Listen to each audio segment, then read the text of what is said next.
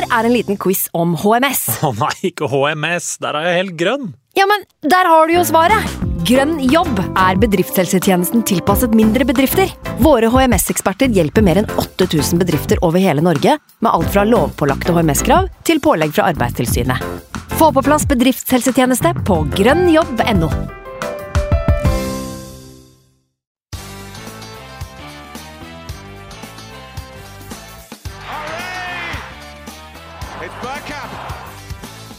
for grabs now! The next station is Arsenal. Hei og velkommen skal du være til en splitter ny episode med Arsenal Station med Magnus Johansen og meg, Simen Goffeng.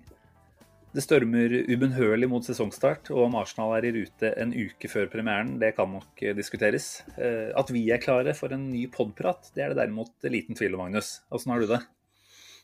Nei, vi er nærmer seg sesongstart, eh, som du vel nevnte. Og da, åtte dager igjen. Så eh, jeg merker jo at eh, hodet dreier sakte, men sikkert vekk fra vidde og fjell og sommerferie til det som skal prege livet vårt på, på litt godt og mye vondt, sikkert. Neste ni-ti måneder. Det, det begynner virkelig å ta over nå. Og det, det, nå er nå er det sånn at man begynner å, å telle dager. Altså. Det, vi vet at uh, om ni dager så, så sitter vi enten med en veldig god eller veldig dårlig følelse, sannsynligvis. Uh, sånn er, det, sånn er det å være supporter. Det er klart Man bygger jo opp mye til denne første serierunden, selv om jeg kjente jo at det kribla nok mer i kroppen foran uh, sesongstarter uh, når jeg var litt grann yngre. Det må jeg si. Jeg vet ikke hva som har skjedd der. Det er bare at man har vært igjennom det mange ganger, kanskje.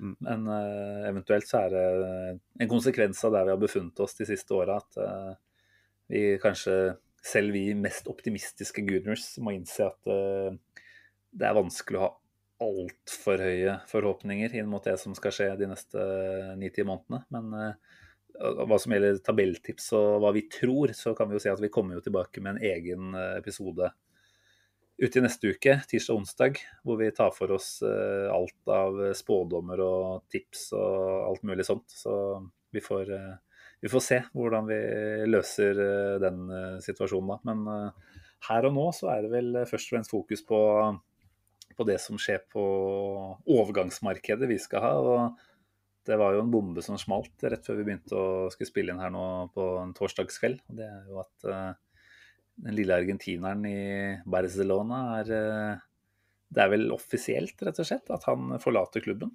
Barcelona har eh, sendt ut pressemelding og sagt at de ikke har mulighet, rett og slett, til å fornye kontrakt. Selv om det visstnok skulle ha vært en enighet der, eh, så er det jo som alle sikkert har fått med seg, en ganske blytung situasjon økonomisk Barcelona står i. Og La Liga har jo noen regler som jeg må bare si at de virker jo egentlig ganske fornuftige eh, i forhold til eh, at det ikke er muligheter å bruke penger på lønninger eh, over evne. Da. Det skal i hvert fall stå i et visst forhold til hva man drar inn av inntekter. Så konsekvensen er jo at han må, må ut. Og konsekvensen av det er vel, som vi alle vet, endelig kommer han til Arsenal. Dette har vi venta på lenge, Magnus. Ja, nå tenker jeg at de Rams Ramsdale-pengene kan uh, sendes i retning, i retning Messi. Uh, Vi holdt kurt, nei, kurtet det har vi ikke. Vi har holdt uh, kruttet tørt. Det har vi. kurt, kurten er tett med brystet. Så Ja. vi er klare for å svi av alt på Messi. Ja. Uh, nei, men jeg ser jo at det er mange, mange guders på Twitter som uh, forhåpentligvis mest med et glimt i øyet er, er på her at nå, nå kommer han. Men den eh, tanken har vel så vidt uh, streifa oss bare. Ja, altså Jeg så det ble oppgitt en odds på 40 eh, på at Messi blir Arsenal-spiller neste sesong. Jeg syns jo den var veldig lav. Eh, eh, jeg føler, føler at den burde vært høyere. Eh, at, han, eh, at han nå skal eh, liksom vandre inn portene på Emirates da Altså, det er Sol Campbell ganger 100. Eh, så det kan vi glemme. Men uh, det blir interessant å se hvor den, hvor den havner. For det, det, det Ja, det Jeg har en sneaky, følelse på at kanskje Tottenham brenner inne med en 28-åring som ikke har lyst til å spille der nå. Uh, Ja. Hvis Pep For det var jo ingen tvil om at City prøvde for et år siden, Mm. var det ikke det? Eller Mm. var det i januar? Jeg husker ikke helt. Ja, det var vel et år, faktisk. ja. Ja. Eh, nå, klart, nå er Messi et år eldre, det har litt å si. Men de henter ikke både Kane og Messi. Så Nei, De har jo signert uh, Grealish her nå også, så det ville vel selv for City vært litt i overkant. Ja, eller så kan vi kanskje spørre Kane da, om han har lyst til å komme hjem. Mm -hmm. Han har jo tross alt vært i, i, Arsenal en gang i tida, så og hvis han har brent alle broer, så kan det hende at vi kan sende Saul Campbell som en slags eh, brobygger. Ambassadøren Saul kan ta turen. Eh, ja, nei, vi kan jo Det blir jo spennende, da. Jeg, tenk, jeg tenker vel at PSG framstår for meg som det mest åpenbare alternativet. Eh, med tanke på at FFP er så slakt som det er, og kassa til eh, PSG er utømmelig, og han får en uh, reunite, Herregud, jeg klarer ikke å snakke i dag. Han blir reunited med Neymar. Mm. ser jeg på det som ganske Altså Det er selvfølgelig Guardiola, som du sier, på andre siden. Men uh, jeg tror PSG er uh, Jeg vet ikke hvordan de odds-tallene står, jeg, men uh, det, det ville overraska meg egentlig hvis ikke det er PSG som er odds-favoritt. Ja, jeg heller ikke. Jeg ser ikke kun Arsenal-odds, okay. selvfølgelig. Ja, Det er kun det vi egentlig bryr oss om, så vi burde jo slutte å snakke om Messi nå. I den grad vi ikke klarer å dra altfor mange Arsenal-relaterte storylines inn her. Det som vel er en eh, linje som alltid dukker opp, er at Arsenal er den klubben utenfor eh, Spania som han har skåret flest mål mot. Så i så måte så er vi kanskje en favorittklubb, da. Det er jo lov å håpe at det kan eh, høste noen frukter. Han snakka jo varmt om Arsenal en gang i tida, når Wenger var, mm. var sjef her og sånn. og jeg husker godt når han sa at uh, Theo Walcott var en av de beste spillerne han noen gang hadde spilt mot. så ja. ja de, de, var livredde for Theo, det husker vi. Ja, han var jo han var god i de kampene, jeg skal ikke glemme, skal ikke glemme mm. det. Nei, men Lionel Messi får egentlig seile sin egen sjø. Det er vel bare å akseptere at vi aldri er i miksen der. dette er selvfølgelig kun jinxing fra min side. Jeg tror at dette er mulig. Nei, men skal vi bevege oss videre? Ja, vi kan gjøre det. Det er jo noe annet. Nei, si det, Simen. Altså, vi hadde jo en liten sånn uh, teaser ute på Twitter og Facebook før uh, sending i dag, hvor vi fiska litt etter uh, etter lytterreaksjoner på et mm. par, par, forskjellige ting. Og det som kanskje ga mest mest blest, var jo den, det Sjaka-spørsmålet. Vi spør, stilte etter det spørsmålet Uh, ny kontrakt på Sjaka. Reaksjoner, uh, please. Ja. Uh, vi kan jo først kanskje ta din, din reaksjon, da, Simen. Det ble jo klart Klart og klart, det er jo ikke bekrefta ennå, men det virker jo veldig tydelig nå at Roma har måttet se seg om etter andre alternativer, og at Sjaka mm. er veldig innstilt, og at Arsenal er veldig innstilt på at den kontrakten skal signeres, og at han blir ja, kontraktsmessig iallfall Arsenal-spiller de neste fire åra. Eh, mm. Etter alt som har skjedd og alt som har blitt eh, sagt og gjort og så videre når det gjelder saka i flere år nå, er det noe du tenker er eh, et korrekt utfall for Arsenal, eller er det, er det, litt som mange sier, et feil steg og et steg tilbake? Er, jeg syns jo dette heller ikke er en svart-hvitt uh, situasjon. da, hvor du ent, altså, Vi la ut et spørsmål tidligere i uka, eller om det var forrige uke, og spurte hva lytterne på Twitter mente. Eh, det var faktisk ganske jevnt. Det var 47% som ønsket å beholde han, 53 mente seg ferdig med han. Eh, jeg tilhører jo i utgangspunktet den andre gjengen der som har tenkt over en tid nå at uh, tror både Arsenal og Chaka har godt av et veiskille.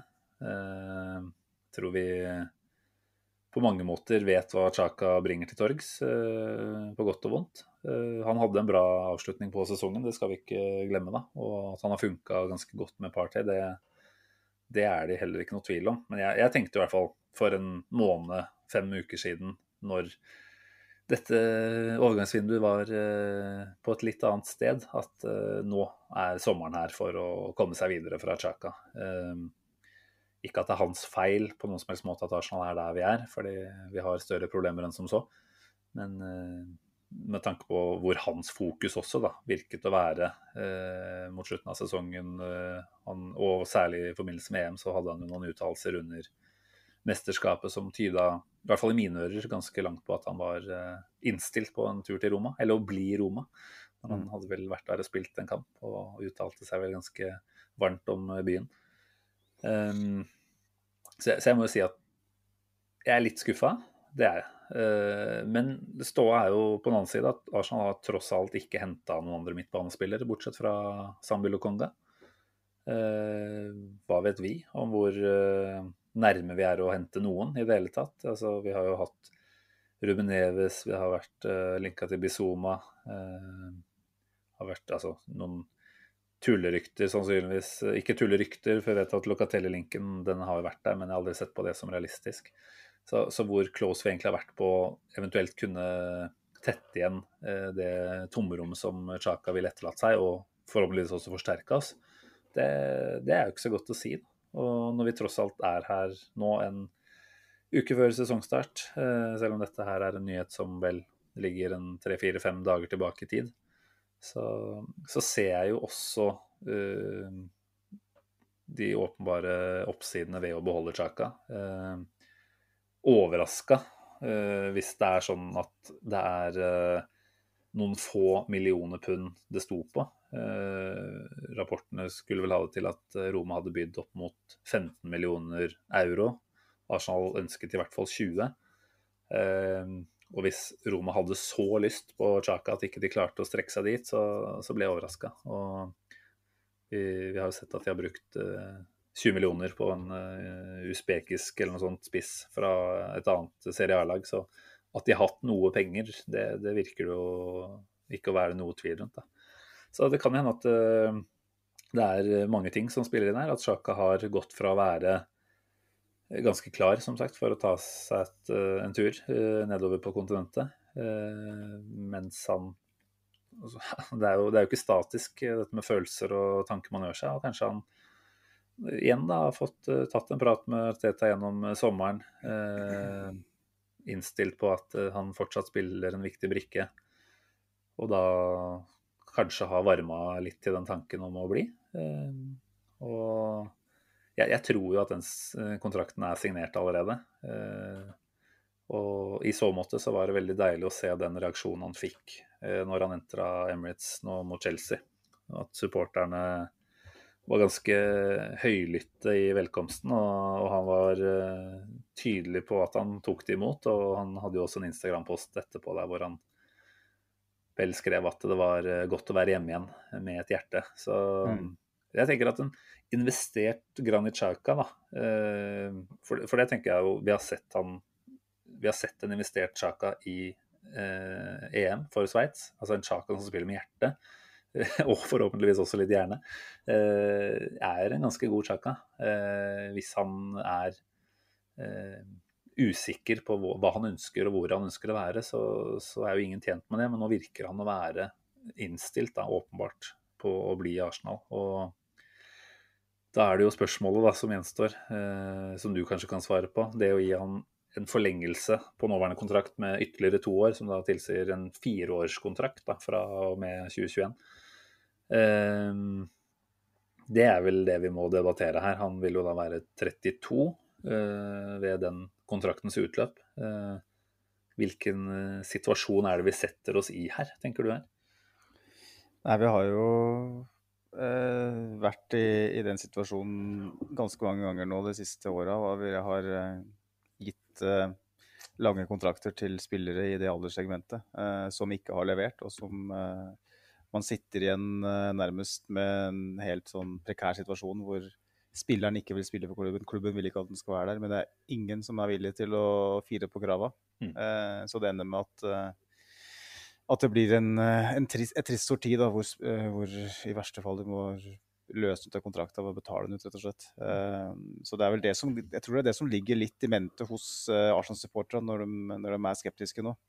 Skal vi gjøre den samme feilen enda en gang, ikke sant? Eh, skal vi ikke bare cut or losses, som de sier i England? Bare bli ferdig med den så fort som mulig, og så får vi bare komme oss videre. For at han er på en måte har vært en slags mange ser på Sjaka som nærmest en hindring. Da. Han har stått i veien for, ut, for dynamikken i, i, i omstillingsfasen, spesielt i måten Arsenal spiller på i mange år. At alt har gått gjennom Sjaka. Ja, det har vært Sjaka på godt og vondt. Ja, han er den som nesten er viktigst for å oppbygge spillet vårt, men eh, hva om vi fjerner den eh, helt? Da må noen andre opp og ta ansvar. Da, blir, da oppstår det en dynamikk med kanskje litt mer fokus på tempo og gjenvinning høyere i banen, som det, folk egentlig skriker etter, og som ligger litt i, i det Ariteta prøver å bygge òg, er jeg ganske sikker på. Så eh, det er litt sånn eh, Jeg tipper at uh, hvis du spør meg om fire år, så kan jeg gi deg et godt svar på om det var smart. det er. Uh, men uh, jeg, ser jo, jeg, ser jo, situasjonen fra klubben sin side. At Mm. hvis man skal Hvis man nå bestemmer seg for at Sjaka skal være Thomas Parteis partner, så er det noe med å gi signaler til han òg, at Mm. du er den vi satser på. For Mm. Jeg tror Sjaka han er han er en leder på mange vis. Han er tydeligvis en veldig sterk og god personlighet på treningsfeltet. Eh, han har vist at han kan stå opp igjen fra de døde, nærmest. Eh, så han, han har utvilsomt karakter. Men så har han òg vist veldig mange ganger at når det stormer som verst, når han føler seg pressa, da renner det over for han. Han Mm. klarer ikke å holde hodet kaldt når det blåser på toppa. Det har, det har vi sett så mange ganger at det tror jeg vi nesten kan si med en gang. at Mm. det er, et, det er en liten sånn karakterbrist ved han som leder. da. Mm. Uh, så jeg tenker jo at hvis Ariteta nå har bestemt seg for at Sjaka skal være en, eh, en sånn, nærmest en sånn teknisk leder på midten, som han har vært nå, mm. så syns jeg det er riktig å, å sende signal til han om at du er nettopp det. Mm. gjør du ikke det, så og Det så vi i starten av sesongen i fjor, da, for det virka som allerede da at Ariteta ønska å, å satse på noe annet. Han satt jo på benken en del og sånn i starten i fjor, og når han kom inn, så var han ikke god. Men eh, når han fikk sjansen og ble satsa på, da Ja.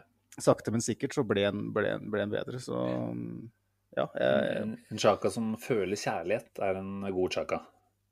ja nettopp. Og ikke så enkelt er det selvfølgelig ikke, men jeg tenker det er i hvert fall et utgangspunkt. Og så, jeg tenker jo, ja, vi har brent oss på det å gi uh, feite kontrakter til uh, litt uh, over toppen, eller i hvert fall spillere som nærmer seg over toppen.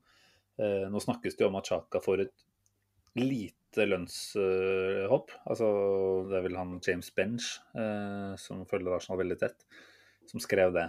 Eh, han er jo per i dag på 100 000 pund i uka. Hvis vi kan anta hva et lite lønnshopp betyr i disse forholdene her, så er det vel kanskje 10 000 ekstra, da, altså 110 000 pund i uka. Et eller annet der. Jeg tenker at igjen, hvis vi ser på dette som en del av en stallbygging over tid også, eh, der vi forhåpentligvis eh, prøver å skifte ut det som er det svakeste leddet eh, per i dag, El Neni, eh, så kan heller Sjaka si, ta over hans plass som det svakeste leddet om et år eller to. Og vi forhåpentligvis få på plass en ny en.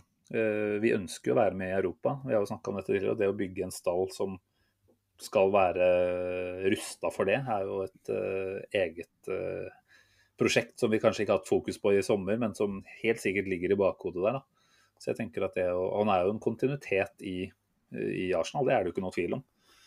Um, jeg, klarer på en måte å se, og jeg, dette sier jeg som en som egentlig er ganske motstander av å ha Chaka med videre, som sagt, men jeg klarer å se en del gode, rasjonelle grunner for at eh, vi, vi ender opp med å gjøre det vi gjør. Da. Altså, det er ingen garanti for at en Bizuma, en eh, Neves kommer inn og gjør midtbanen vår eh, to hakk bedre, slik vi egentlig trenger. Mm. Det kan hende at Lokonga er en hybridvariant som på sikt kan utfylle Partey veldig, veldig bra. Det, det er mange ting som vi åpenbart bare må spekulere i og gjette oss fram til fortsatt. Men, eh, Ja. men sånn som det står her nå, en uke før seriestart, eh, ikke henta noen andre sentrale midtbanespillere, bortsett fra Lokonga, da, da tenker jeg at uh, why not? Uh, og jeg tror, Ja, og det er jo en litt sånn altså det er jo litt sånn uh, Man blir jo litt forma av, av de ukene som har gått, og ikke minst det markedet vi lever i. Mm. jeg tenker jo at why not er jo litt sånn litt feil tankegang, det òg. For hvis, hvis tanken var å, å på en måte eh, hva skal jeg si, gå ut av Sjaka-æraen og inn i en ny æra. Og på en måte, hva skal jeg si, ja, og frigjøre eh, rollefordeling på midten og skape en ny dynamikk. Eh, med litt, en litt mer moderne dynamikk, kanskje, med litt mer frekvens og litt mer tempo, i, spesielt i endringsfasen. Så, så, så, tenker jeg at, at det, det, er, litt feil av klubben nå å bare tenke at ja, ja, da, da, gikk det sånn i år, da. Eh, fordi at vi må jo tro den, den at vi har en den. Den midtbana, ja. ja, for den midtbana er jo, det er jo nøkkelen, føler jeg. da. At det, altså det å Jeg ser jo den Ben White-signeringa.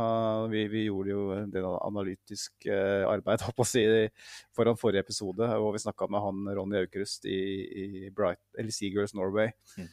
Og det er jo liksom det derre Det man sitter igjen med, er jo følelsen av at Ben White er henta fordi at han kan få ballen fremover på banen fortere mm. Eh, fra sin posisjon på banen eh, Granit som eh, pasningslegger. Eh, åpenbart veldig god spiller. Han får ballen gjerne Han hadde vel enormt mange pasninger inn i siste tredelen, eller inn i boksen i fjor.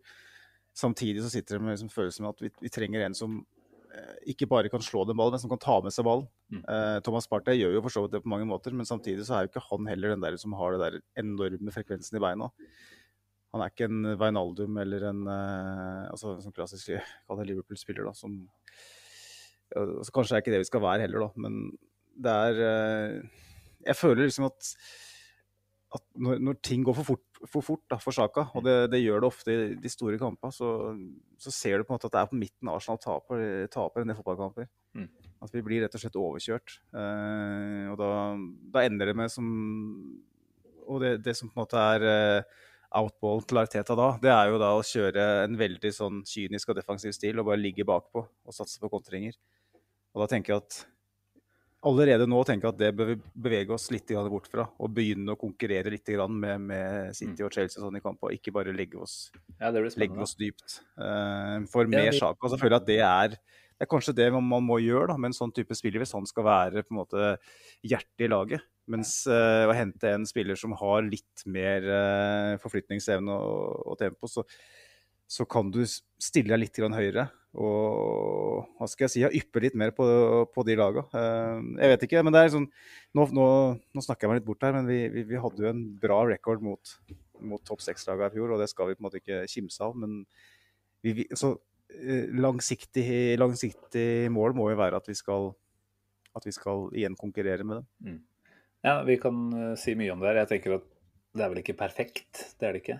Men jeg begynner vel å tvile på om det er noen andre løsninger som lå der og var gjennomførbare som ville vært perfekte òg. Det er vanskelig å si, da. Det skaper mye engasjement. Vi har fått inn en del uh, meninger og tanker rundt dette her. Bare lese kjapt gjennom noen av de, tenker jeg. Eh, mm. Høre hva som på en måte er eh, konsensus ute i supportermiljøet.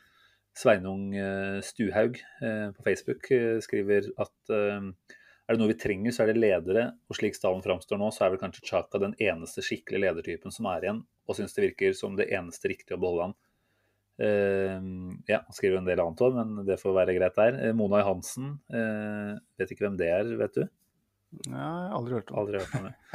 Eh, Chaka er vel eh, kanskje en av de siste ledertypene som er igjen, så det kan jo være en årsak til at han blir. Skulle gjerne sett at klubben gikk videre og solgte han, men siden det foreløpig ikke er en erstatter der, så er det kanskje like greit at han blir. Der høres det ut som jeg og Mona er veldig på linje. Det er det. Eh, Arif eh, Moaremi skriver eh, Chaka er en av våre beste spillere. Utropstegn. Når skal folk se det? Spørsmålstegn. At han gjør en del feilpasninger på banen, det er helt greit. Han retter alltid opp og spiller med hjertet ut på drakta. Se på hva fyren legger ned av innsats, og hvilken pasningsfot han har. Uh, så er det vel én kontrær eh, mening eh, til disse, da. Eh, Stian Børling på Twitter. Han er ganske tydelig, skriver nei til ny Chaka-kontrakt. spør hvor stor er eller var egentlig interessen for Chaka. Har etter ryktene ikke bedt om enorme summer vi ser ikke ut til å klare å bli kvitt overbetalte spillere, og så videre og så videre. Mm. eh, og det var vel egentlig det vi hadde av Chaka-meninger. Så jeg må si at uh, dette med lederegenskaper, det er noe som går igjen her. Uh, og det, det, er jo ikke noe man skal underspille heller, for det, det vet vi at vi har manko på uh, totalt sett. og at han er et referansepunkt i garderoben på treningsfeltet og er en mønsterproff etter alle solmerker, da, bortsett fra den sedvanlige hodemisten som han har en gang iblant. Eh, utover det så er det jo en, eh, en, type som folk virker å se opp til. Eh, og uten at jeg vet hvor godt likt han er, på en måte, så virker det i hvert fall som han går godt overens med de aller fleste. Hva tenker du om akkurat det lederegenskapene, og hvor stor betydningen er av det? Altså, nå var vi litt inne på det, eller jeg litt inne på det i stad, når vi snakka om eh, den karakterbristen. Det er kanskje litt sånn drøyt å si, men altså, nå, nå, er det sånn at han spiller fotball for Arsenal og tjener sikkert en mill. i uka og vel så det. Kanskje har han fått 10 000 pund mer også, som du var inne på. Eh, så det er jo sånn at eh, det kreves jo eh, veldig mye når du skal ha en sånn rolle, og jeg føler jo at Sjaka eh, er en, en en god leder på, på, på mange vis, men uh, han er på ingen måte en, uh, en leder som, som kan hva skal jeg si, ja, uh, nevnes i samme åndedrag som en del tidligere ledere vi har til Arsenal. Altså, han er ikke en sånn gallionsfigur som står støtt i, i stormen og, og, er på en måte Arsenal Hva skal jeg si, ja. Og, han representerer ikke Arsenal alltid på, mm. på, på, en, best, på en, best, mulig måte. Eh, men at han eh, i mangel på og leder, og kanskje en spillergruppe hvor man har eh, en god del andre spillere i samme alderssegment som kanskje unnviker å ta ansvar. Da. Mm. Som kanskje skyr mix-zone når ting ikke går helt veien. Som kanskje ikke møter opp presis hver eneste dag, og som kanskje har et mer økonomisk motiv ved å å møte opp eh, på trening i det hele tatt, så er det ingen tvil om at Sjaka er en av de av seniorspillerne våre som definitivt uh, virker som har hodet skrudd, uh, skrudd best på, på mm. hvis det går an å si det. Ja. Nei, jeg tenker at som jeg sa tidligere, det er uh, vanskelig å vite, da, åpenbart, hvor, hvor gode alternativer vi hadde. hvor langt er det sånn altså Det var jo rykta f.eks. at Bizoma-dealen lå der og kunne gjennomføres når som helst, egentlig. Eh, Neves ser vi jo blitt i større grad linka til United i det siste, så det er godt mulig at han ikke hadde vært aktuell i det hele tatt. Eh, mange som mener at Bizoma og Partey ikke er det Arsenal eh, trenger eh, som en duo på midten. Så det er klart at eh, det er, en, det er en tøff sommer på mange måter. og og hvis Roma da faktisk ikke er villig til å gå lenger opp enn eh, det vi må kalle en ganske, ganske Det er nesten litt respektløs sum, eh, vil jeg si. Altså en spiller på 28, 100 landskamper for Sveits, kaptein. Eh, for så vidt en proven Premier League-spiller over mange år, da.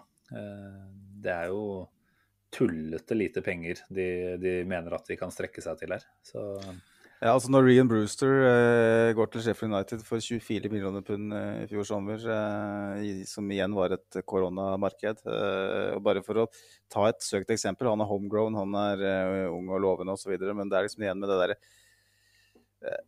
det er jo på en måte sånn markedsmessig helt forkastelig òg, å mene at Sjakar, med, med, alle de forutsetningene du nevner, skal, ikke skal være verdt engang 15-16 millioner euro. Det er jo helt latterlig. Mm. Så jeg støtter Jeg syns det er bra at Arsenal eh, ikke bare trekker ned buksa og åpner postkassa. Eh, jeg tror det er jævlig viktig at vi ikke gjør det, noe med den signaleffekten mm. det sender. Og det tenker jeg er et kjempeviktig poeng. da, fordi altså, Roma har vi hatt uh, historikk med med tanke på Mkhitaryan-dealen. Uh, de bør vel 10 millioner ca. i januar.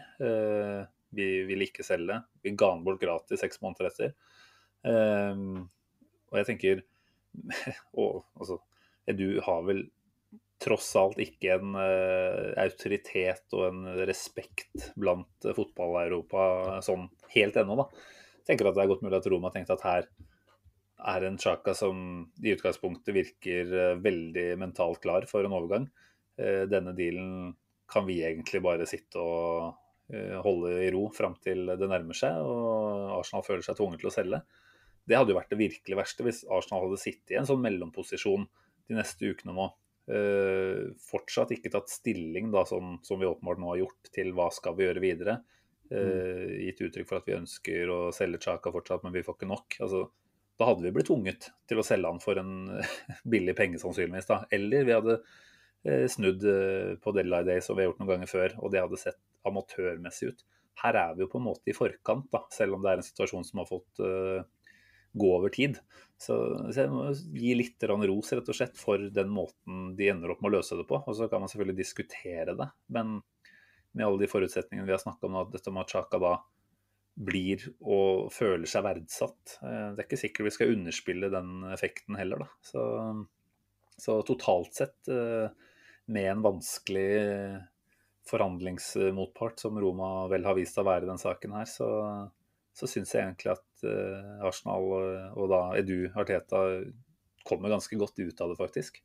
Uh, viser at her, her gidder vi ikke å bli hersa med fram til uh, siste dag og se ut som vi er juniorer som står igjen med, med lua i hånda. da.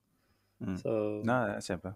Ja, nei, jeg tror vi, vi, vi, får se. Nå er det gått en halvtime allerede, så det kan jo hende at vi skal si oss ferdig med Chaka. Eh, men eh, Vi skal snakke nok om Sjaka i løpet av sesongen som kommer, tipper jeg. med tanke på at Party jo nå tross alt ser ut til å være ute noen uker, da, så viser jo den Sjaka-løsningen her kanskje seg å være enda viktigere også. Altså Hadde vi skulle hatt inn en ny eh, midtbanemann, eh, som da måtte danne tospann med Elneni eller Lokonga, som også er ny, så ville vi jo sett eh, veldig uferdig ut. Eh, I hvert fall veldig lite klare ut for det som eh, venter. Nå, tenker jeg, nå er vi i hvert fall der med en som, som har vært med på dette her i mange sesonger og, og vet hva som kreves på mange måter.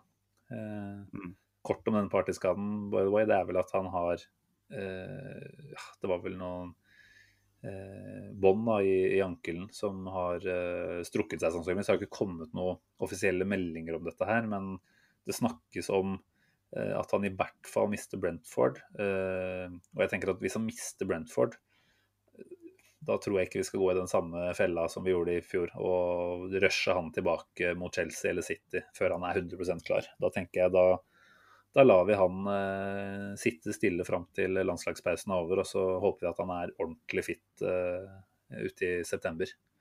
Ja, det er definitivt enig. i.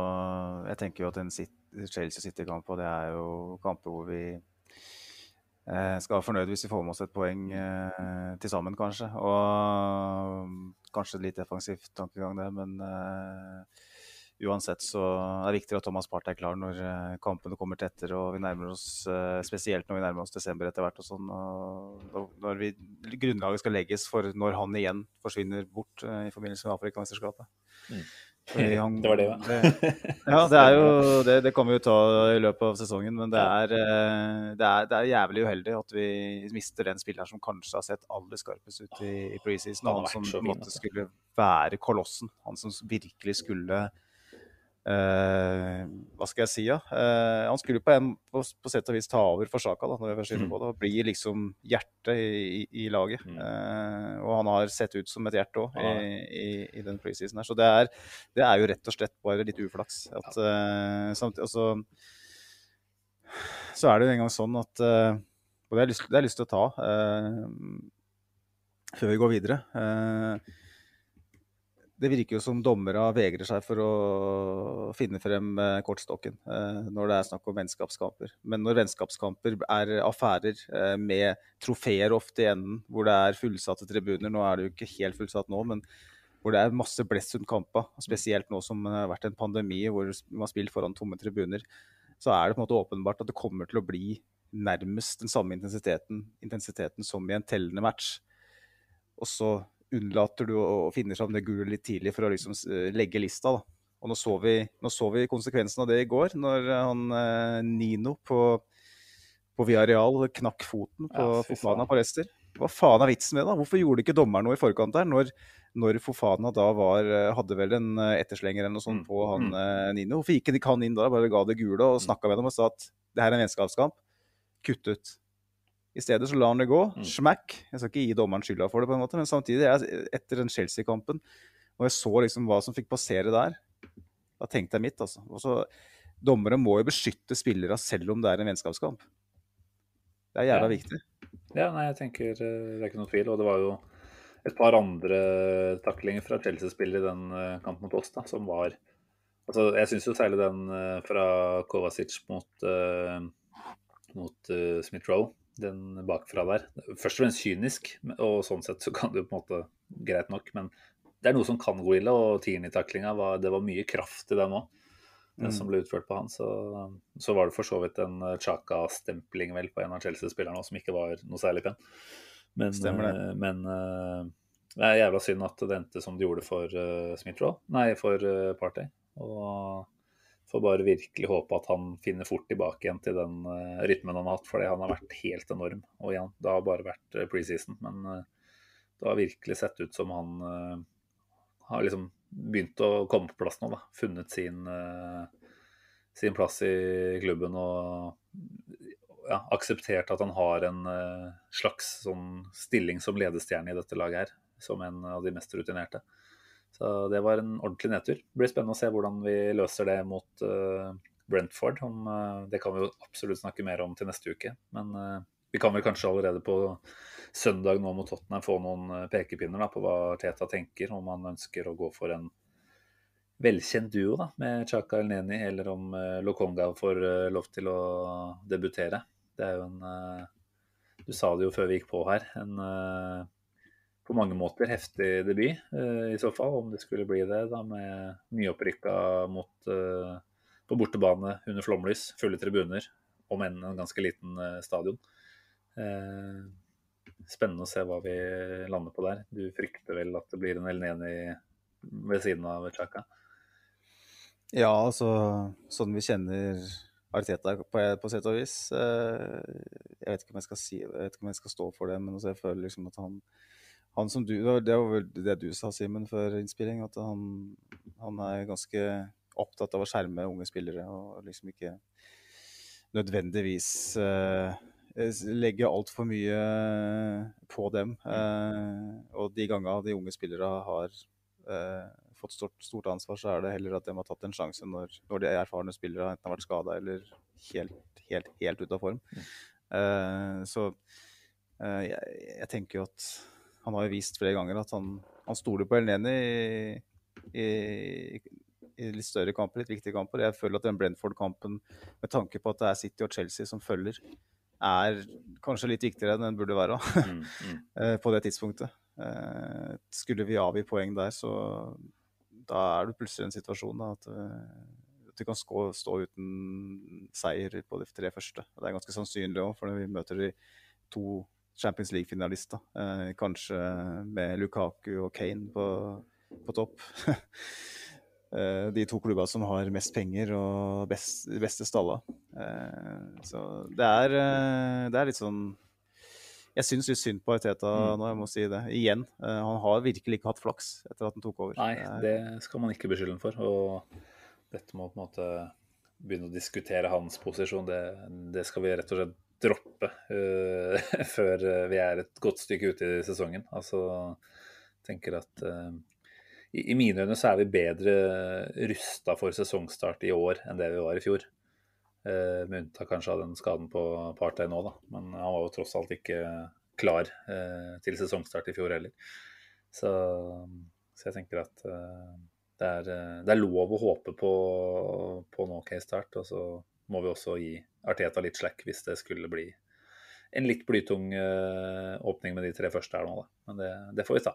Jeg tror vi skal bevege oss videre, Magnus. Og du hadde jo som et annet av de punktene du stilte spørsmål om på Facebook og Twitter eh, tidligere i dag, så spurte du om hvorfor vi ikke klarer å kvitte oss med spillere. Vi kan jo ta det her litt i eh, eh, relasjon til overgangsmarkedet generelt, da. Status er jo fortsatt at vi vel ikke har solgt en eneste spiller sånn ordentlig. Eh, det er vel et par med, med krav om eh, kjøp til neste sesong. Gendosi eh, Mavropanos. Men enn så lenge da, så, så er det ganske rolig. Selv om vi hører jo stadig vekk at Nelson ryktes til Palace. GTA har vel også rykter som hinter om at Palace skal være interessert. Hva, hva er det som skjer her? Hvorfor klarer vi ikke å kvitte oss med spillerne? Det er et stort uh, og komplekst uh, spørsmål som, uh, hvor mange faktorer må trekkes inn, så jeg skal ikke begi meg ut på noe sånn veldig bombastisk og presis forklaring. Men det handler veldig mye om at klubbene på kontinentet rett og slett ikke har penger.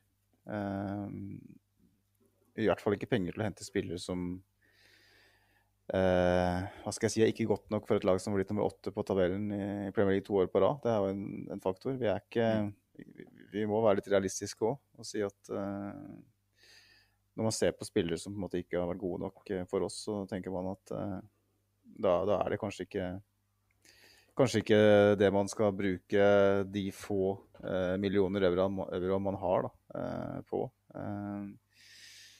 så jeg vet ikke, men uh, det er klart at det faktum at Edu er uh, nesten en rookie å, regne i en sånn type rolle, uh, kan, ha, kan, være, kan, være, en faktor. Uten at, jeg, uten, at jeg, vet noe om det. Så Nei, det er vanskelig å svare på. Det er du som stilte spørsmålet. Jeg tenker Da må du jo få svare, ja, ja, men, prøve å svare på det sjøl da. ja, ja, men, nei, men det er jo altså, hvis jeg kan si veldig kort, så tenker jeg at det er ikke ett svar, fordi det er ulike caser i hvert enkelt tilfelle. Eh, altså, du har William sant, som tjener grovt mye penger, og som rett og slett sannsynligvis ikke får like mye betalt eh, hvor enn han ellers skulle gå.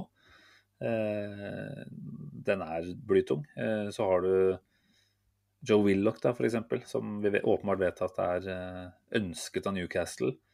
Eh, som vi snakka litt om tidligere. Jeg tipper kanskje at Willoch er en type deadline day-signering som kom på plass uh, dersom Arsenal har henta en Ødegaard, eller eventuelt en Madison, da. Men at han på en måte er der som en forsikring i tilfelle det ikke kommer inn en, en ekstra tier. Da må vi ha noe mer der. Og så kan man selvfølgelig si at ikke Willoch er den som på en måte skal gi oss kreativitet nødvendigvis, men han kan jo bidra med sine ting, han også, mot uh, slutten av kampene særlig. Eh, mm. Så at han på en måte Den, den dealen drøyer nok pga. andre årsaker. Så har du Nelson, da, der har du vel en kontrakt som går ut Er det, er det neste sesong allerede? Og det å låne ut han til eh, Palace, det er jo helt bortkasta så lenge han ikke da signerer en ny kontrakt. Jeg ser det har vært noe eh, som har rørt seg rundt akkurat den biten der siste timene. Altså torsdag kveld så er det i hvert fall litt eh, prat på Twitter om at han kanskje tar og signerer en ny kontrakt og går på lån. Får se hva det blir. Ja. ja. Nketia, ikke sant. Hva skjer med andre spisser? Det er, det er så mange ting, da. Og i mitt hode så, så, er ikke jeg så stressa, egentlig, da, for eh, at dette her tar tid. Vi har grunn til å være skeptiske, fordi du har ikke overbevist oss ennå. Eh, Arsenal som klubb har jo på ingen måte overbevist oss når det kommer til overganger eh, på en del år. Eh, men, men jeg tenker at spillere inn er det jeg først og fremst bekymrer meg for. Altså, hva er det vi har klart der i til sesongstart? Det bør være så mye som mulig.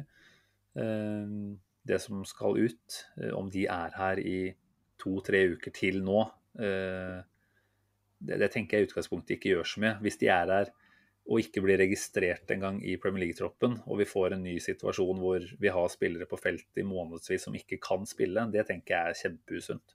Så, ja. så, det må vi for all del slippe, da. Eh, men eh, jeg velger å ha, ha pulsen eh, lav enn så lenge. Altså. Ja, det er jo, det er jo for så vidt det riktige òg, det. Og, fordi at man, man, vet ikke hva slags plan klubben sitter med internt. Og det må få den tida som er til rådighet. Men det er liksom det der med at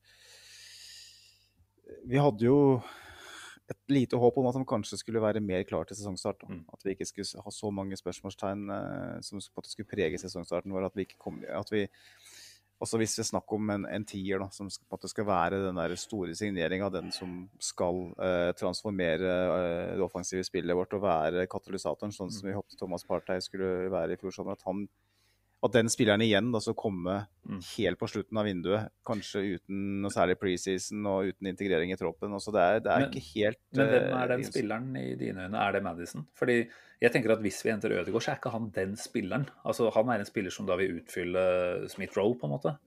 Jeg tenker at til sesongstart altså, så ville jeg uansett om vi henta Madison nå Jeg ville starta med Smith-Roe. Så klart Om Madison hadde kommet for fire uker tilbake, så ville det kanskje vært annerledes. Men ut ifra hva Smith-Roe har vist, eh, så kan ikke du fortelle meg at han ikke skal starte i den tierrollen. Altså. Enkel og grei. Nei, nei, men altså, det, Eh, og så- det er jo ikke sånn at Så sånn sett, også isolert sett, da, til sesongstart, så tenker jeg at det er ikke så mange spørsmålstegn i dette laget nå. Altså Leno er bankers, Tine bankers, sannsynligvis blir det Marie. Eh, Ben White er vel banker, får vi tro. Chambers er banker. Chaka er banker. Eleni kanskje, da, eller Lokonga, det får vi se. Så har du PP, du har Smith-Roe. Og så er det jo hva vi gjør eh, på venstre og topp, da, som er litt usikkert. Men sånn hvis du skal tenke helt hva er det vi stiller med av en elver eh, til sesongstart og de neste par kampene, så er jeg ikke så bekymra for det som på en måte skal dukke opp. Vi kunne selvfølgelig ønska oss noe mer, men jeg tenker jo at en, en eh, Ødegaard eller en eh, Madison, som jeg tviler uh, mer og mer på, Uh, det, det tenker jeg jo det er først og fremst dealer som må være på plass for å sørge for at vi er sterke gjennom sesongen. da. Ja, det er jeg for så vidt enig i prinsipielt i det. Det er bare det at jeg tenker at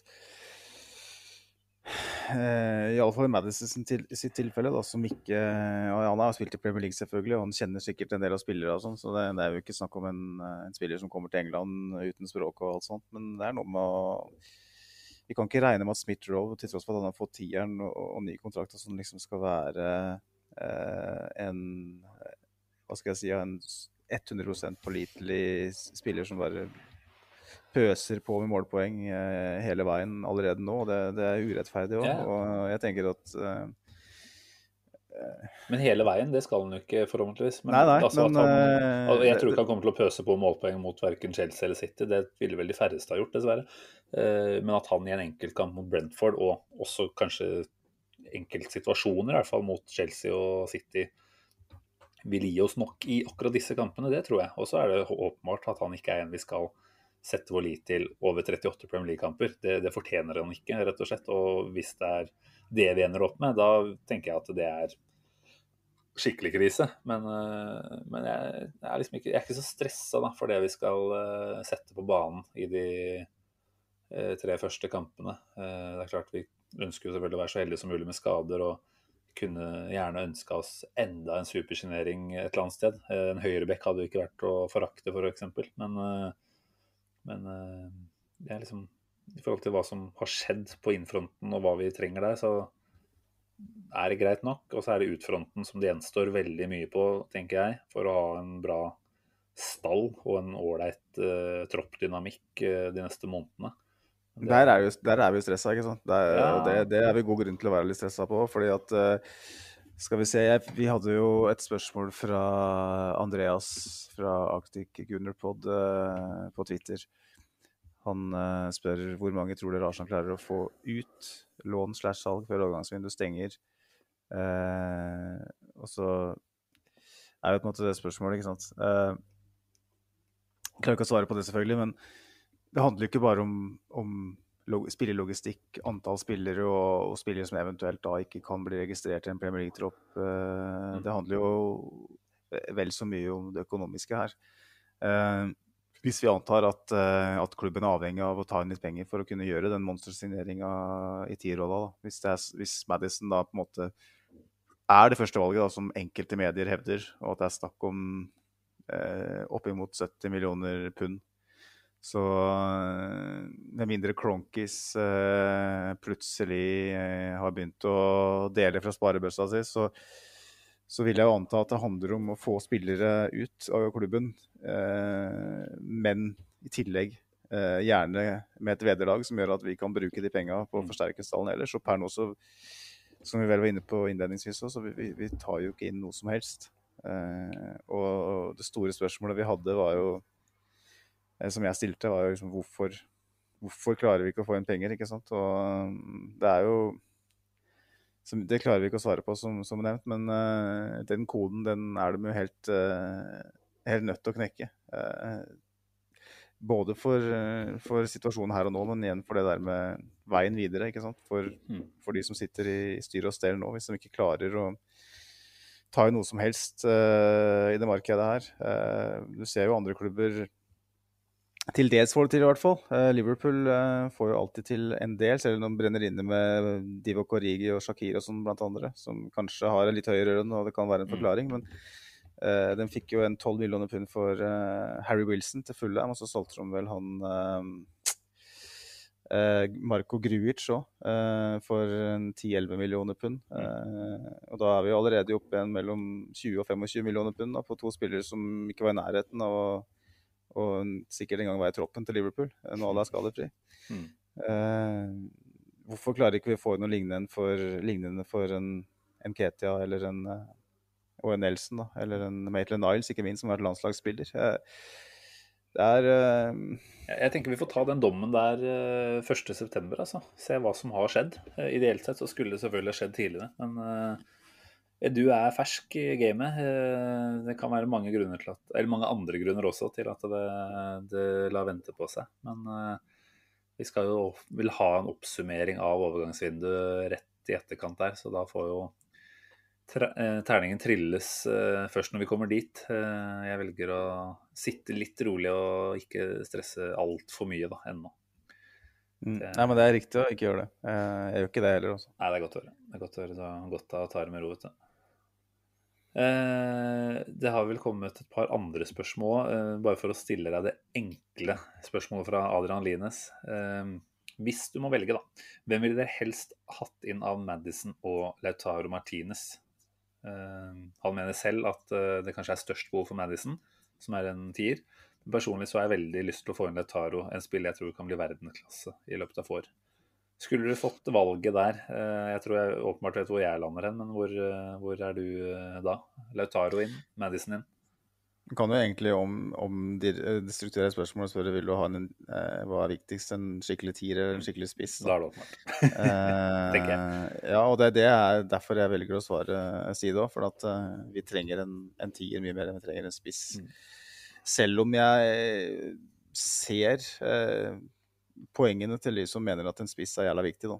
Eh, så, så tenker jeg at eh, vi trenger en kreativ kraft eh, bak en Aubameyang som ikke fikk service i det hele tatt i fjor, omtrent. Bak en Lacassette som, som i hvert fall viste tegn på at han, han var, hva skal jeg si, ja, litt nærmere 2018-19-sesongen enn han var i 2019-20. Mm. uh, så jeg tenker at uh, det, det, for Arsenal del så handler det om å skape flere målsjanser, først og fremst. Ikke om å, å, ska, å hente spillere som er bedre på å avslutte. Eh, Nå, og nå er det sånn at Lautaro Martinez selvfølgelig er en helt annen spisstype, og kanskje i kraft av den spisstypen han er, vil, skape, vil sørge for at Arsenals eh, offensive spillere ellers vil få mer rom og, og få flere sjanser. Så tenker jeg at prinsipielt at Arsenal trenger en tier. Mm. Eller ikke en tier men en offensiv midtbanespiller. Mm. Eh, Er du enig i det, Simen? Ja, altså Fordele den kreative byrden og helst ha noen som eh, lager enda mer, det, det tenker jeg er det aller viktigste. Det var først og fremst Vi var vel ikke håpløst dårlige på å omsette eh, mulighetene i fjor. Eh, det var bare at de, de kom i fåtall, rett og slett. Så, og det starter jo for så vidt bakerst på banen nå, så um, det er ikke bare en tier. Og det er klart at en Lautaro som virker veldig komplett, da, og som sikkert ville skapt mye furore hos motstanderen, som sannsynligvis ville betydd enda mer plass og muligheter for PP, for Saka, for Smith-Roll. Det, det kan godt vært eh, på mange måter riktig, det også, men eh, sånn, eh, i utgangspunktet jeg synes det er litt vanskelig. fordi jeg er helt enig med at Hvis man skal tenke posisjon mot posisjon, så er jeg enig i at en typisk tier er viktigere enn en spiss. Eh, men Lautaro, som du var inne på forrige episode, altså, det er jo en mulighet som man ikke egentlig tror at kan by seg, og hvis den faktisk er der, eh, så er det jæskla interessant om vi hadde fått kloa kloa ham, Altså. Det har jo en potensiell superspiller i, i noen år framover. Han er allerede på et skyhøyt nivå. Og ikke minst så vil jo det å, det å hente Lautaro sannsynligvis bety at Chelsea ikke fikk henta Lukaku. Nå kan det vel dessverre se ut til at eh, det går litt for fort andre veien, og at eh, de vel nærmer seg Lukaku såpass at da blir nok Lautaro igjen i Inter. Men eh, det er jo Det er to sexy navn, men Lautaro sitt klinger jo på mange måter enda litt bedre i, i huet mitt, da. Det gjør det. Men uh, det, høres, det er et mer sexy navn. Uh, Lautaro Martinez fra, fra, Argentina kontra James Madison fra, fra England. Uh, det høres jo Men det er jo på en måte litt sånne stigmaer som eksisterer fra gammelt av, som gjør at man tenker sånn. Da. men mm. jeg tenker jo at oppsiden på sikt ved Lautaro Martinez kanskje er litt større enn Madison, det tror jeg òg. Men jeg tenker at Arsenal nå må Arsenal være ganske harde på å hente spill, ikke hente, ikke hente spiller som er på en måte muligheter som åpenbarer seg. En, en deal som kan gjøres, som har vært litt sånn kutyme i Arsenal en del år. Må Arsenal hente spillere som de virkelig trenger. Uh, mm. og, som er en del av en langsiktig strategi. Uh, ja, ikke bare sånn Oi, han er tilgjengelig, ja. uh, den, den, de deala har vi gjort litt for mange av. Ja, det er klart det er forskjell på om Oi, William er tilgjengelig, og Oi, uh, Lautaro Martinez er tilgjengelig. Da. Så, jo, uh. det, det, har vært andre alternativer man kunne ha plukka fra, men det har vært uh, blanda drops. Ikke, ikke, noe tvil om det. Uh, ja, nei, det er, det er, mye vi kan prate om her. Altså, bare for å ta det helt spørsmålet til slutt da, om, om overganger, som jeg stiller deg. Altså, det er jo noen mangler i stallen, selv om kanskje førsteelveren er ganske grei. Um, hva er det du tenker at er de største mangelen som må, med virkelig store bokstaver, må dekkes eh, før eh, overgangsvinduet stenger? Nei, Kreatør har vi vært innom, så vi kan jo spole over den for så vidt. Det er et dypt og gapende hull med lava og krokodiller eh, som eh, som må, som må, tettes. Og det er eh, keeperplassen. Mm. Det, er den, det er ikke der man nødvendigvis skal gjøre en stor investering, eh, men der må det gjøres et eller annet. For Runa Runarsson eh, altså Da blir det ganske mange tabletter som må knaskes for ganske mange hvis han skal inn og, og stå i mål for Arsenal eh, i det hele tatt. Eh, Okonko har vel vist i preseason at han virker litt lite klar for å spille seniorfotball enda. Mm. Uh, og da sitter vi igjen med én keeper som er god nok, og i tillegg en keeper som kanskje led litt grann, uh, i fjor under å ikke ha noe reell konkurranse. Viktig poeng.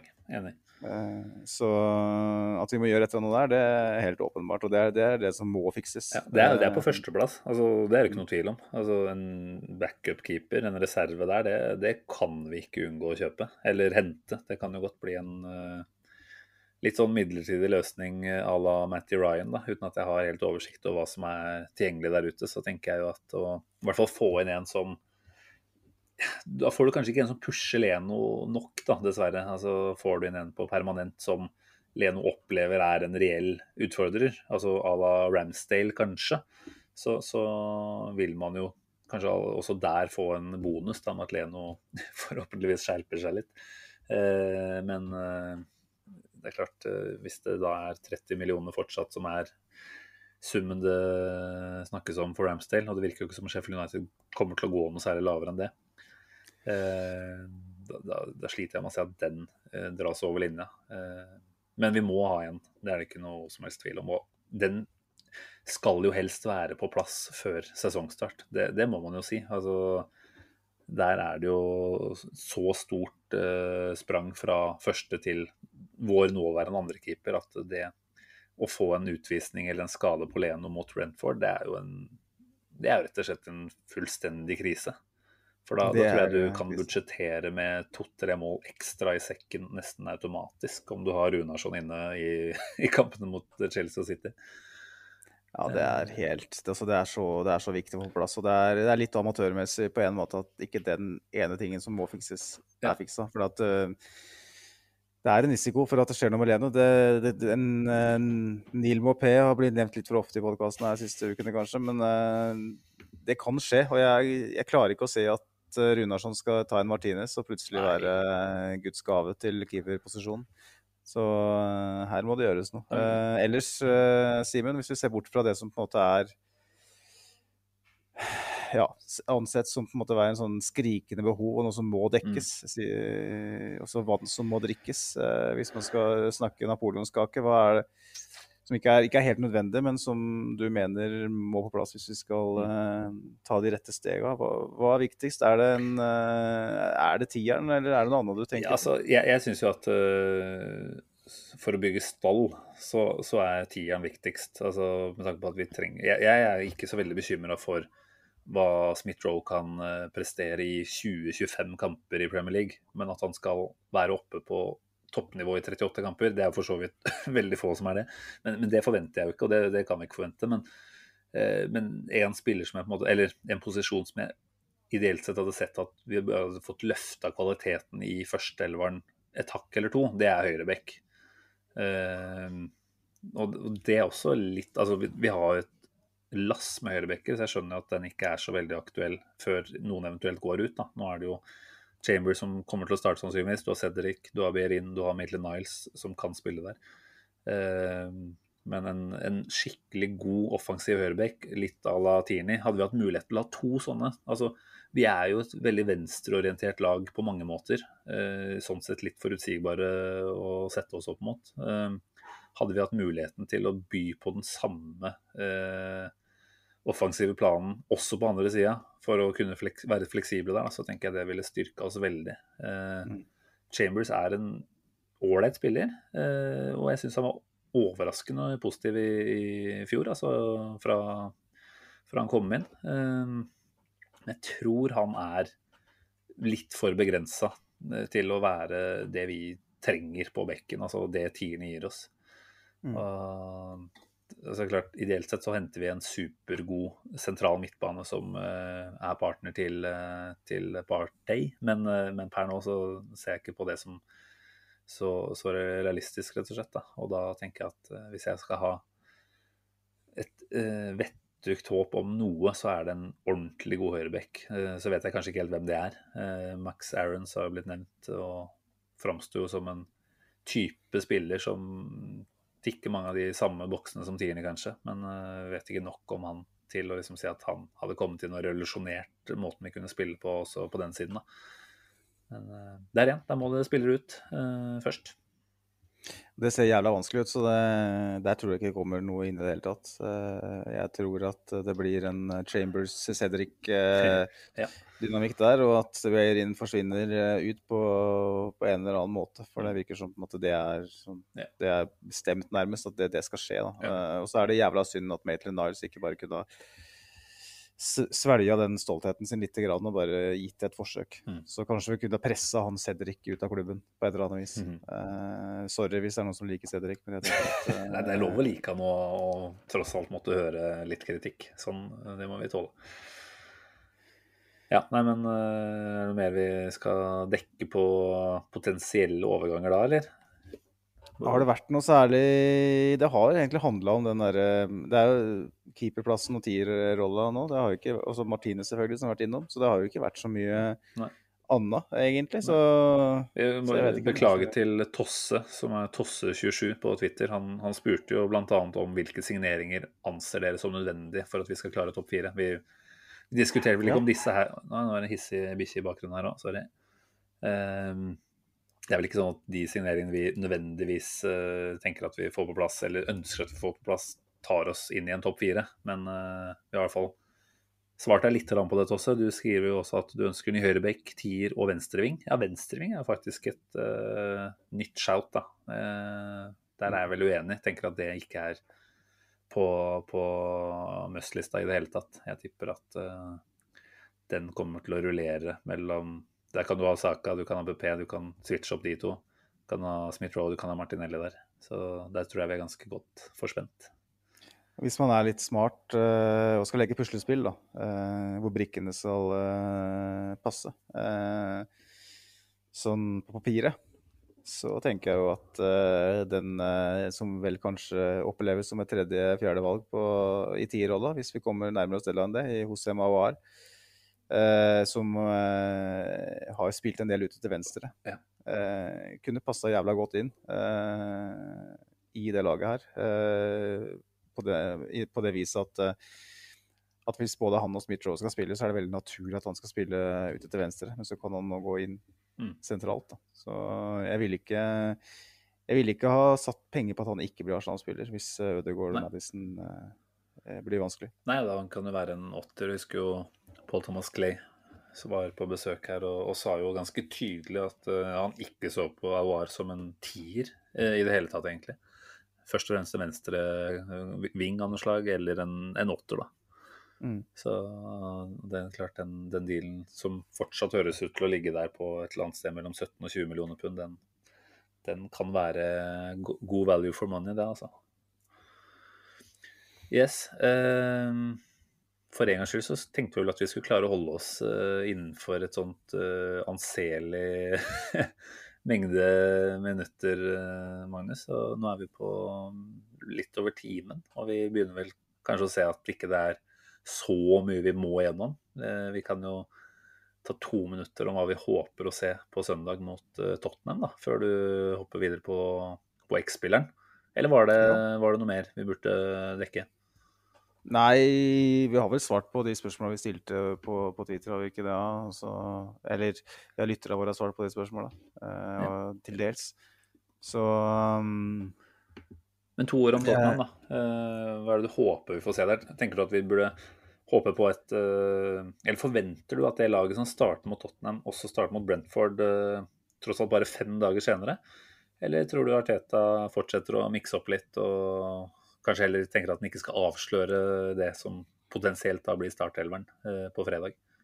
Arteta er jo ikke så forutsigbar som eh, Arsen Wenger. Og klart nå er Arsen Wenger 22 år, så det er kanskje lett å, eh, lett å bli eh, kjent med ham da. Men eh, altså, jeg tenker at eh, hvis eh, Arteta nå, spesielt midtbaneleddet, sitter med en del spørsmålstegn på hvordan man skal komponere laget, så bør man i hvert fall gi, gi den konstellasjonen der eh, 90 minutter, eller i hvert fall 70-80 minutter Mm, mm, i den kampen for å kunne i hvert fall nærme seg en eller annen form for dynamikk. Eh, så jeg håper i alle fall at, eh, at uh, midtbaneduen uh, som skal starte mot Brentford, og starte mot Tottenham. Og så håper jeg hvis Ben White er tiltenkt en rolle mot, eh, være. mot Brentford, så bør han spille mot Tottenham sammen med den han skal spille mot Brentford sammen med. Gjerne også den høyrebekken. Mm.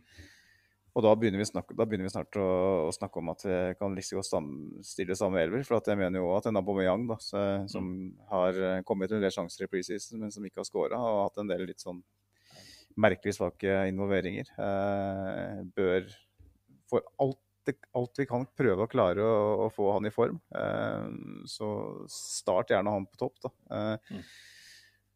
Og da er det litt mer vanskelig å vite hvordan vi skal komponere den treeren bak Abba. Da. For nå spilte Abba på venstresida mot Tottenham med Laka på topp.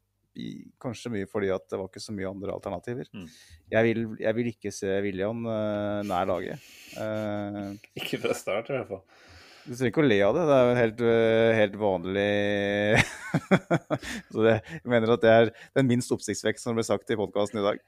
Uh, eh, så Altså, Saka er jo tilbake, da. Han var tilbake i går. Fikk jo en nydelig velkomst med denne brevveggen. Hundre eller tusenvis av eh, brev fra både Arsenal og England-supportere, da. Eh, Det er jo åpenbart Jeg tenker at han starter ikke mot Tottenham, det tror jeg ikke. Men at han er involvert, i hvert fall mot eh, Brentford. Sannsynligvis ikke fra start der heller, men, men, men jeg er ganske sikker på at vi, vi har han med, i hvert fall. Eh, det, ja, det, er jo det er ikke så mange å, å plukke fra. Det så, som sannsynligvis skjer, er vel at Aubameyang får en startplass ute til venstre, og at Alex Lacassette starter eh, mot Tottenham, altså. Eh, jeg, jeg tror det, selv om jeg er helt enig med deg at jeg også skulle ønske å se Aubameyang fra, på topp fra start. Uh, Enketia syns jeg egentlig har gjort det ganske fint fra venstresida. Mm, så kanskje ikke det er det dummeste heller, å la han få, få ligge ute til venstre der. Balogun vel, har vel vært litt småskada. Vi må vel tro at det er derfor han ikke har vært med de siste to treningskampene, er det vel. Mm. Uh, så så lenge saka ikke er helt klar, så, så tenker jeg at uh, Ketia kanskje starter, men uh, ja, hvordan han linker opp med Smith Rowe og sånt i det opp, mer oppbyggende spillet, det er jo en annen sak, da.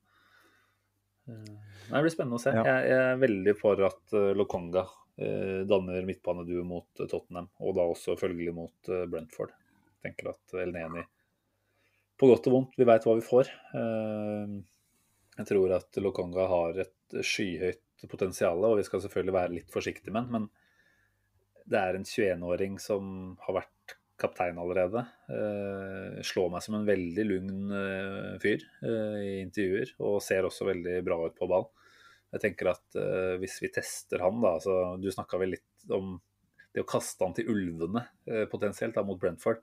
Det er vel på mange ja. måter større og skumlere ulver å bli kasta inn mot, mot, Tottenham, selv om det er en treningskamp. Men det blir vel ganske ålreit trøkk på, på stadion der òg. Så jeg tenker at får han starte der, og forhåpentligvis en ålreit opplevelse, så tenker jeg det er ikke noe tvil om at han skal, eh, skal fortsette. Da. Og det er noe med å Ja, vi, vi, skal forandre oss fra en, et lag som har kommet på åttendeplass i to sesonger. Og med El Neni så, så, gjør vi ikke det, altså. Jo, ikke noe vondt om han, men uh, jeg tenker vi, vi burde benytte muligheten til å, til å kjøre inn Lokonga der nå og bygge videre. Ja, jeg er enig. Vi får se. Absolutt. Vi får se. Uh, det er jo Det er jo sånn at eh, at uh, Arsenal-Twitter kommer til å eksplodere hvis uh, Shaka Elneni starter mot Brentford. Så vi får se hva Teta finner på. ja, ja. Eh, nei, men fint. Da tenker jeg vi har runda det vi trenger å snakke om. Da er det for meg bare å sette meg selv på mute og lene meg tilbake i stolen her og nyte siste utgave av X-spillerspalten som du har eh, forfattet gjennom uka som har gått. Setter deg ned og brukt en time eller to på det, du kjennes til? Ja da, det har, eh, det har blitt uh, grublet og drodlet og skrevet denne uka her òg. Ja. Spent på hvem du drar på i dag. Du får bare kjøre i gang når du er klar. Som barn blir man indoktrinert med at man alltid får en stjerne i margen så lenge man gjør så godt man kan.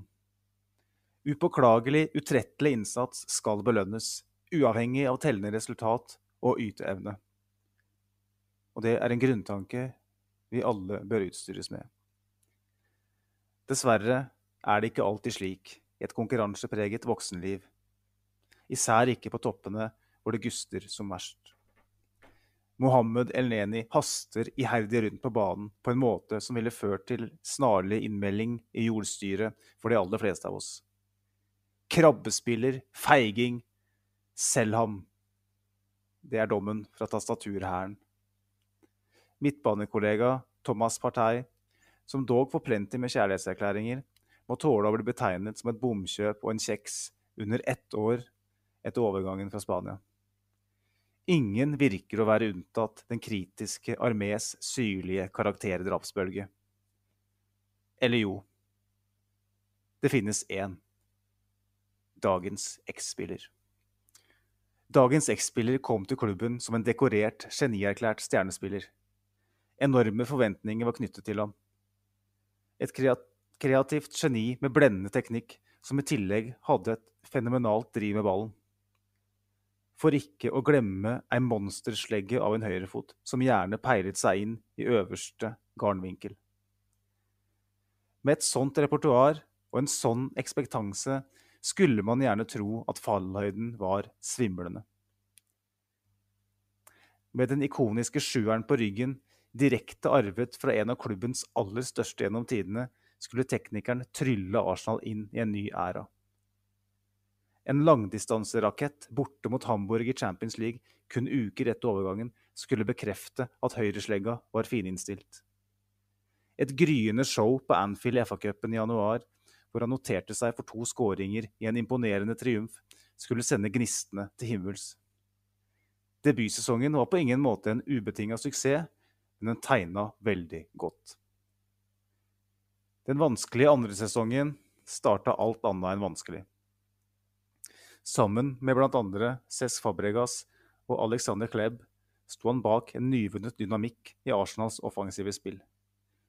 Et kombinasjonsspill hvor tempo, presisjon og bevegelse av ypperste varemerke gjorde Arsenal bortimot unplayable. Klubbens nye kjæledegge var virkelig på gang. Drivet med ball, teknikken, høyrefoten. Alt var godtepåsen lovet. Så en ny tidsregning. Ett år etter at herjingene på Anfield fremkalte drøssevis av superlativer, måtte dagens X-spiller forlate banen skadet. Det var FA-cup, Newcastle og kneskade. Akkurat som sin briljante forgjenger Robert Pires skulle det koste svært dyrt å mønstre opp mot The Magpies i verdens eldste fotballturnering. Der og da føltes det ikke all verdens signifikant. Men mislykkede operasjoner og komplikasjoner skulle sørge for at Arsenals venstrekant mista 1 12 sesong og hele 21 måneder med fotball. Først i september 2009 var han tilbake på banen i en offisiell kamp. Da hadde Arsenals gulltog allerede sporet av et par ganger, og borte var flere av leke lekekameratene hans. Etter comebacket skulle karrieren fortsette å dreie seg altfor mye om skader. Med flere lange avbrekk. At han likevel fikk bære kanonskjorta med sjueren på ryggen et helt tiår, viser hvor høyt verdsatt han var i klubben. Wenger ga ham kontrakt etter kontrakt. Og vi må ikke glemme at det var noen høydepunkter underveis. Flere vakre skåringer mot erkerival Spurs deriblant en volley fra hjørnet av 16-meteren på gamle White Lane i 2014. Hadde det ikke vært for at raketten ble fanga av nettet, hadde trolig ballen gått i bane rundt jorden den dag i dag.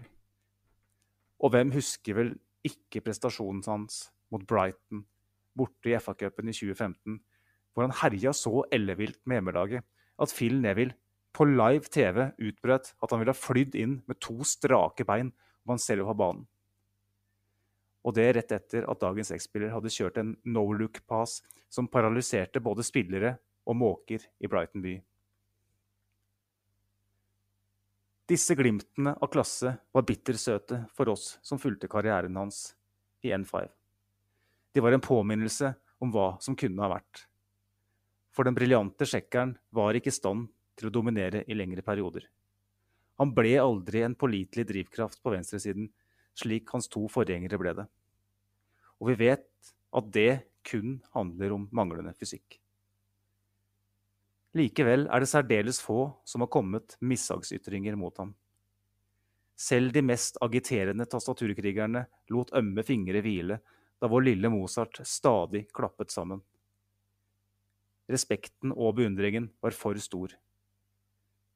Da han våren 2016 ble takka av på Emery Stadium etter en siste sesong selvfølgelig uten en eneste kamp, grunnet sedvanlig skadetrøbbel, var det ikke en eneste bakende plassert på setet, ei heller et tørt øye. Thomas Rositski ga 100% hele veien, og han var dessuten umulig å mislike. Kulere enn Tony Montana, men med et smil Ingrid Espelid verdig. Vi savner deg, lille Mozart. Om vi gjør, da hva er det Wenger pleide å si? Eh, han pleide vel å si at 'if you love football, you love eh, Thomas Rosiski'. Stemmer det. Han kommer, den. Ja, det burde vært med her òg. Eh, fy fader. At han hadde vært borte i 21 måneder i strekk der, det, det, kunne jeg faktisk ikke huske. Altså Åpenbart så var jo sjekkeren veldig skadeplaga, men at det var et så langt avbrekk, var det i ett og samme moment? Altså ikke et eneste innhopp eller noe underveis der? Han hadde noen treningskamper ja. på sommeren eh, to måneder før han gjorde comebacket. Men siden han, hadde, han var jo ikke på banen i det hele tatt fra førstelaget på 18-19 måneder. Helt sånn, sinnssykt. Nei, det, er, det, er, trist, rett og slett. Altså. Den uh, spilleren han var. Og jeg husker jo når den dealen eh, kom i stand uh, Det var vel før uh, VM i 2006, var det ikke det? Og du visste at uh, dette her skal Arsenal ha koset seg med framover. Han var ganske god der også, husker jeg. Skårte vel i hvert fall ett veldig fint mål. Og så var det bare noen uker til da, før han uh, druste den inn mot, uh, mot Hamburg. Da, da, tenkte man at dette her, dette er, det er nesten som Perez er gjenoppstått, selv om en, i en litt annen form. men det ble jo dessverre aldri noe ordentlig suksesshistorie, da, selv om det har vært mange fine øyeblikk underveis. Ja, Nei, det er jo en bittersøt uh, historie, som jeg vel var inne på. Mm. Det er en, en spiller som, som, hadde så mye kvaliteter og et sånt ferdighetsnivå som gjør at uh, det, er liksom, det er kun det der fysiske som sto i veien. For jeg tror han hadde både personlighet uh, og ikke minst hva skal jeg si, passende evner i et Wenger-lag. Vi så det jo i 2007-2008-sesongen sammen med Fabregas, Klebb og Flamini på midten der. Det er det beste mm. Arsenal-laget vi har sett sånn, sånn eh, hva skal jeg si, konsistent etter Invincibles, kanskje. Eh, da var vi jævlig gode i mange måneder. Og da var, det var Rosiski en stor del av det.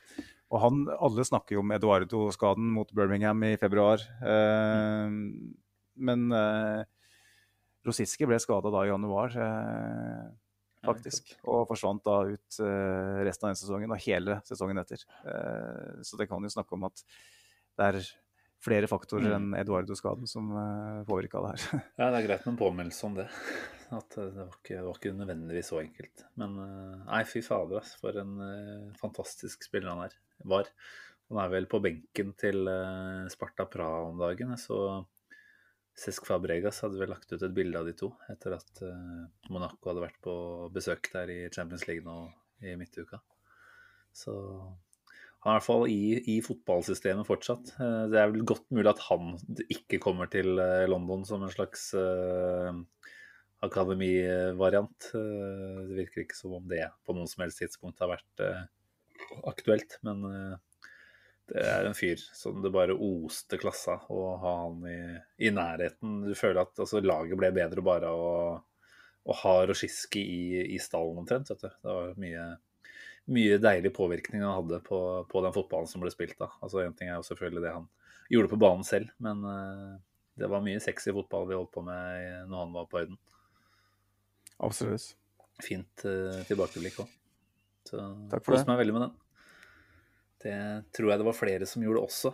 Vi eh, får bare oppfordre alle til å spole til, eh, til slutten, de siste 10-15 minuttene av enhver eh, episode som ligger ute. Så er det jo det faste innslaget som, som ligger der. Så hvis man ikke gidder å høre på alt annet, og det kunne jeg godt forstått at man ville unngå, så, så er det i hvert fall sterk anbefaling å, å ta med seg de siste 10-15 minuttene av tidligere episoder, så får man fine tilbakeblikk der.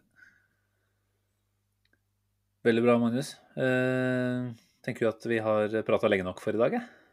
Ja, det, I dag også? ja, det ble Ja, vi har holdt oss under en og en halv time her, ser jeg. Så det, Ja, det- må jo ta, oss med, ta med oss det må vi ta med oss. som en klapp på skuldra. Ja, jeg, er redd, jeg er redd for at det kan bli eh, over, godt over eh, halvannen time i hvert fall, når vi er tilbake med tabelltips og, og spådommer til uka. Men det, Ja, det kan godt hende. Men en god podkast, den kan man lytte til i evigheter. Jeg, jeg hørte ved den der When We, Are Kings, eh, den svenske podkasten, som tar for seg store lag og store spillere fra Fortums tid. Og det, det er midt inne i en sånn Bolten fra 2005-2006-sesongen. Og den varer i tre og en halv time, og jeg har hørt på en og en halv nå, og jeg får ikke nok. Så det Jeg er kanskje ikke på det nivået, men jeg håper jo at folk eh, henger med. Ja, vi setter jo veldig pris på alle som hører på. Det må vi bare få understreke nok en gang. Altså, veldig veldig ålreit at det er, er så mange. Vi, vi må jo bare si at vi, vi håper det blir flere. Så er det sånn at du kjenner en Arsenal-kompis eller venninne som eh, ikke, ikke har noe favorittpodkast ennå, så er det jo bare å tipse. Og så er det jo, som vi alltid sier, bare å sende inn spørsmål, tanker, eh, hva det skulle være. Så tar vi det med i poden. Det, det blir jo veldig bra fylde for eh, enhver episode, så det, det oppfordrer vi alle til å gjøre. Yes. Nei, men eh, da tror jeg vi runder av for i kveld, Magnus. Ses vi på Eller vi prates i hvert fall på, på tirsdag, regner jeg med at det blir.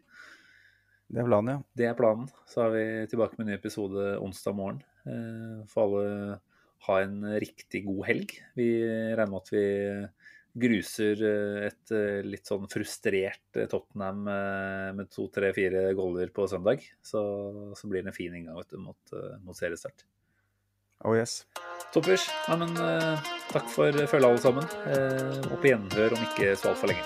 Ha det bra. Ha det.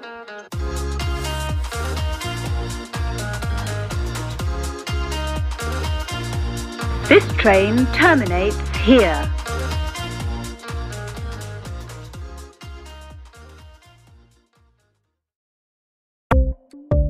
Ukens annonsør er HelloFresh. HelloFresh er verdens ledende matkasseleverandør og kan være redningen i en travel hverdag. Mange av oss har nok vandret i butikken både sultne og uten en plan for middagen, som ender med at vi går for de samme kjedelige rettene gang på gang. Middag burde være dagens høydepunkt. Som Hello Fresh kan du nå velge mellom 25 ulike retter hver eneste uke, eller få Hello Fresh til å sette sammen menyen for deg. Dette gir deg muligheten til å prøve nye og spennende retter alene eller sammen med familien. Du velger antall porsjoner og får alt levert på døren på et tidspunkt som passer for deg. Oppskriftene er enkle, og maten er lett å lage både for store og for små. Ved å få alt levert hjem får du også mer tid til å dele matgleden med familie og venner. Kanskje det frister med asiatiske tacos eller greskinspirert kylling? Da kan jeg anbefale deg om å gå inn på hellofresh.no. Her kan du bruke koden FOTBALL og få opptil 1779 kroner i rabatt på de første fem matkastene hvis du ikke har prøvd Hello Fresh tidligere. Du kan også bruke rabatten hvis du har vært kunde og stoppet abonnementet ditt for tolv måneder siden eller lengre. Gå inn på hellofresh.no og bruk koden FOTBALL. Har du et enkeltpersonforetak eller en liten bedrift? Da er du sikkert lei av å høre meg snakke om hvor enkelt det er med kvitteringer og bilag i fiken, så vi eh, gir oss her, vi. Fordi vi liker enkelt. Fiken superenkelt regnskap.